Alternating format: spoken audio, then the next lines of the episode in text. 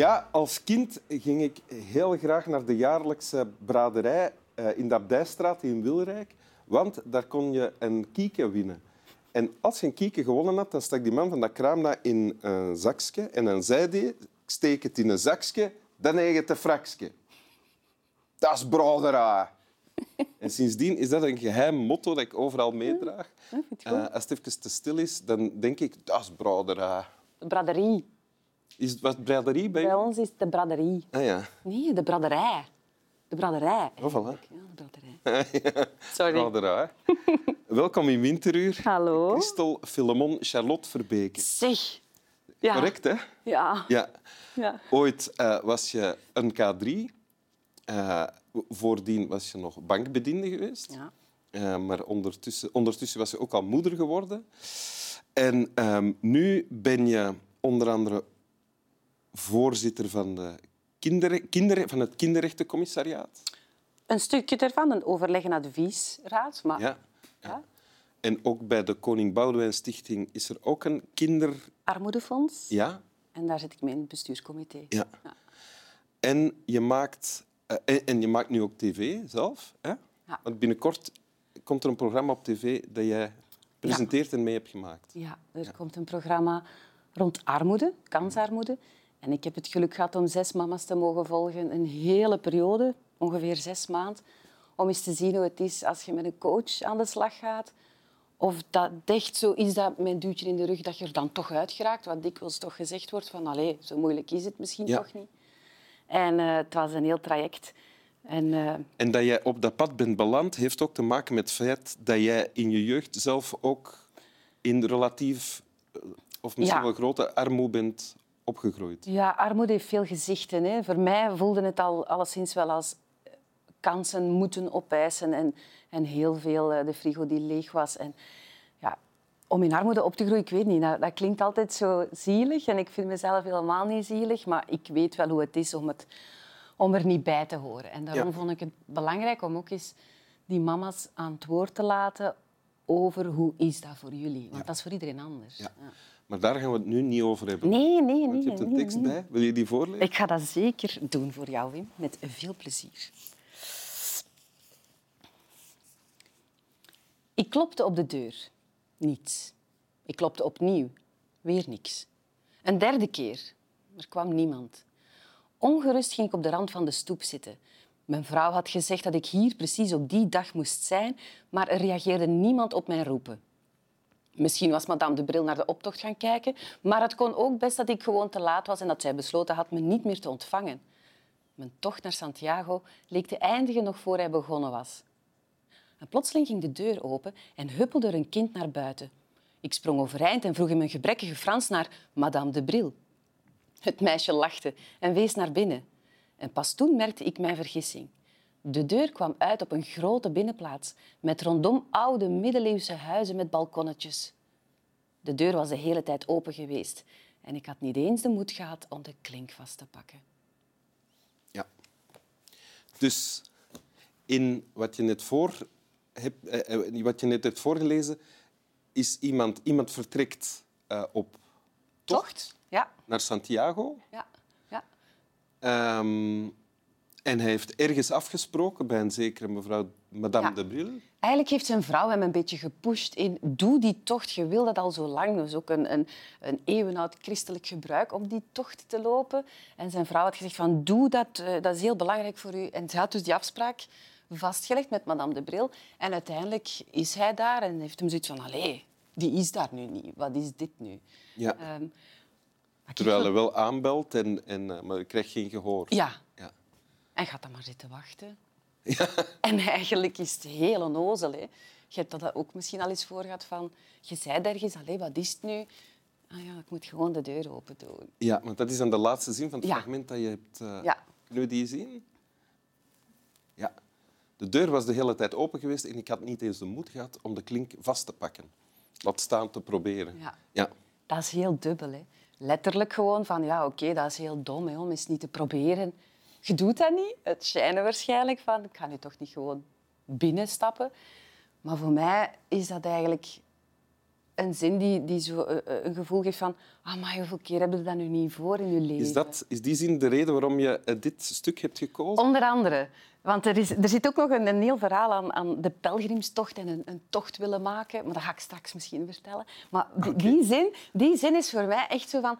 Hoeveel keer oordeelde niet of schatte situaties in op basis van wat je zelf weet of wie dat je zelf zijt of hoe je leven eruit ziet. Het is zo moeilijk om je te verplaatsen in iemand anders zijn leven of om je te verplaatsen in iemand zijn denken. En dat zit voor mij in die laatste zin van... Je moet de moed hebben om de klink vast te pakken. Je moet af en toe ook gewoon eens je eigen bril afzetten om breder te kijken. En wanneer heb jij de moed, je moet moeten bijeenscharen en uh, de klink vastpakken? Goh, uh, na K3, na heel de periode met K3 had ik wel ja. ik wat moed hier, nodig. Ja, sorry, ik zit, altijd, ik zit wat weg te kijken. Ik ga in je ogen kijken. Oké. Sorry. Is niks. Um, ja, misschien na K3.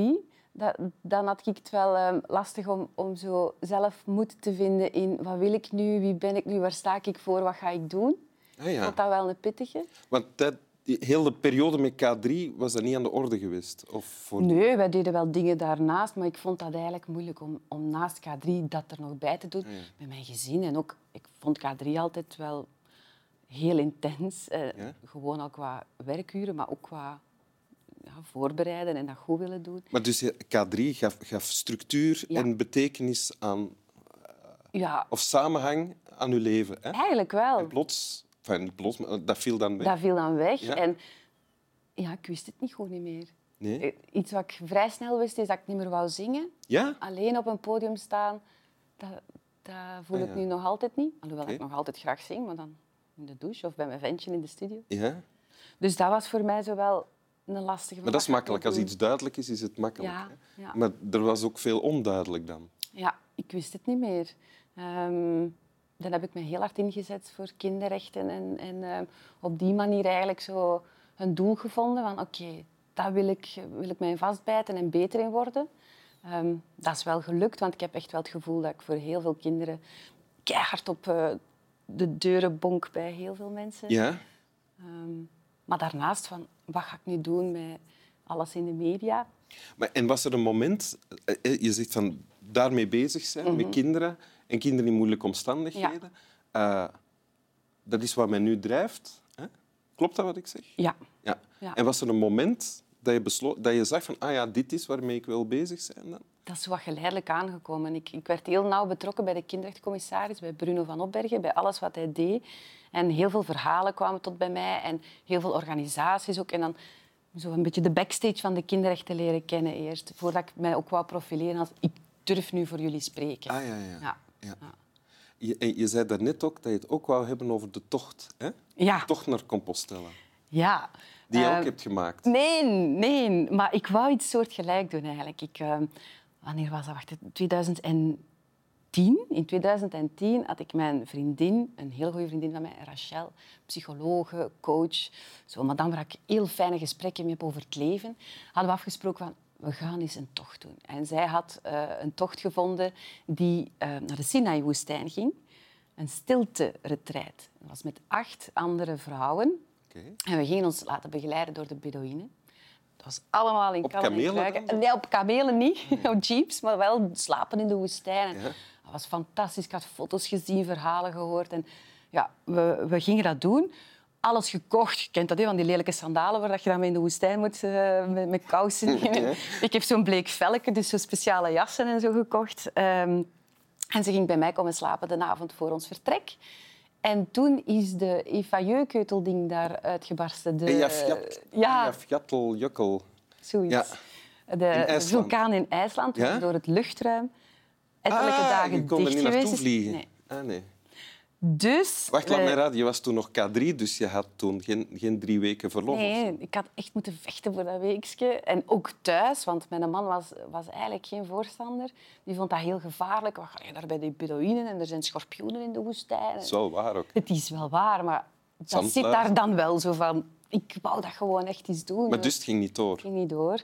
We zijn dan dezelfde avond naar Saint-Tropez vertrokken, want die haar baas had daar een villa. Het was fantastisch natuurlijk. Ja? Maar we hebben daar eigenlijk ge- niet echt een toffe week gehad. We waren alle twee in de rouw, omdat we natuurlijk voor iets heel anders... eh, ja, een, een heel andere voorstelling van wat die week ging inhouden.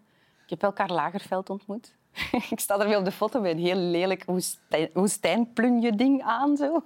Ik had ook gewoon die zak meegenomen. En die lelijke sandalen. Die lelijke sandalen. Nee, dat is nog niet, denk ik. Nee, nee, nee, dat nog niet. Maar ja, ik vind dat, ik vind dat tof. Omdat wat hij ook vertelt, eh Paulo Coelho, na zijn tocht, want hij heeft die echt gemaakt, heeft hij besloten om schrijver te worden. Mm.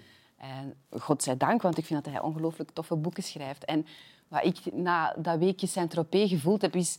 Wat ben ik toch zo onnozel om te denken dat ik naar de woestijn moet om te weten wat ertoe doet. Want ik heb mijn gezin daar ongelooflijk hard gemist. En voor Ah. mij was dat eigenlijk... Ja, de, ja wat, wat ik daarvan opgestoken heb, Oké. Wil je het nog eens lezen? Ja.